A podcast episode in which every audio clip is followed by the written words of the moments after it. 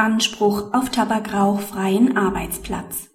Ein Anspruch des Arbeitnehmers auf Zuweisung eines tabakrauchfreien Arbeitsplatzes entsteht regelmäßig dann, wenn der Arbeitgeber aufgrund gesetzlicher Bestimmungen zum Nichtraucherschutz verpflichtet ist. Der Arbeitnehmer ist als Tischchef am Roulette-Tisch einer Spielbank beschäftigt. In dem Spielsaal, in dem der Kläger tätig ist, befindet sich neben diversen Spieltischen ein räumlich nicht abgetrennter Barbereich, der nicht vom Arbeitgeber, sondern von einem anderen Unternehmen betrieben wird. Der Arbeitgeber duldet, dass die Gäste der Spielbank in allen Sälen rauchen. Da der Arbeitnehmer seit einiger Zeit an chronischer Bronchitis und Entzündungen der Augen- und Nasenschleimhäute leidet, verlangt er vom Arbeitgeber, ihn auf einen tabakrauchfreien Arbeitsplatz zu versetzen oder das Rauchen in den Spielsälen zu verbieten. Der Arbeitgeber lehnt ab. Nach Auffassung des BAG ist die vom Arbeitnehmer erhobene Klage begründet. Der Arbeitnehmer hat einen Anspruch auf Zuweisung eines tabakrauchfreien Arbeitsplatzes in dem streitgegenständlichen Spielsaal aus dem Paragraphen 611, 618 Absatz 1 BGB und Paragraph 5 Absatz 1 Arbeitsstättenverordnung. Paragraph 5 Absatz 1 Arbeitsstättenverordnung sieht vor, dass der Arbeitgeber die erforderlichen Maßnahmen zu treffen hat, damit die nicht rauchenden Beschäftigten in Arbeitsstätten wirksam vor den Gesundheitsgefahren durch den Tabakrauch geschützt sind.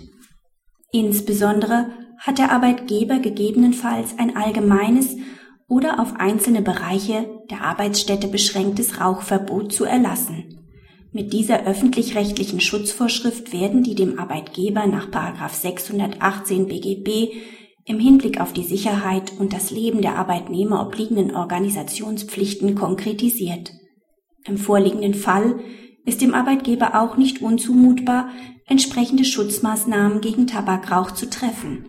Die Ausnahmeregelung des Paragraphen 5 Absatz 2 Arbeitsstättenverordnung, die für Arbeitsstätten mit Publikumsverkehr Schutzmaßnahmen nur insoweit fordert, als die Natur des Betriebs und die Art der Beschäftigung es zulassen, steht dem nicht entgegen. Die betroffene Vorschrift wird durch das für den Betrieb der Beklagten geltende Gesetz zum Schutz vor den Gefahren des Passivrauchens in der Öffentlichkeit verdrängt. Der Ausnahmetatbestand des Paragraphen 5 Absatz 2 Arbeitsstättenverordnung greift grundsätzlich nur ein, sofern sich der Arbeitgeber rechtmäßig verhält. Das ist vorliegend nicht der Fall, da in dem streitgegenständlichen Spielsaal entgegen den gesetzlichen Vorschriften des Nichtraucherschutzgesetzes geraucht wird, da die einschlägigen landesgesetzlichen Vorschriften das Rauchen generell verbieten, kommt es auch nicht darauf an, ob im Streitfall tatsächlich eine konkrete Gesundheitsgefährdung oder Beeinträchtigung besteht. Praxishinweis.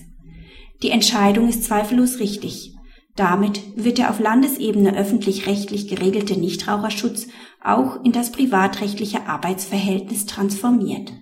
Das BAG trägt damit dem Grundsatz der Einheit der Rechtsordnung Rechnung, nachdem nicht privatrechtlich erlaubt sein kann, was öffentlich-rechtlich verboten ist.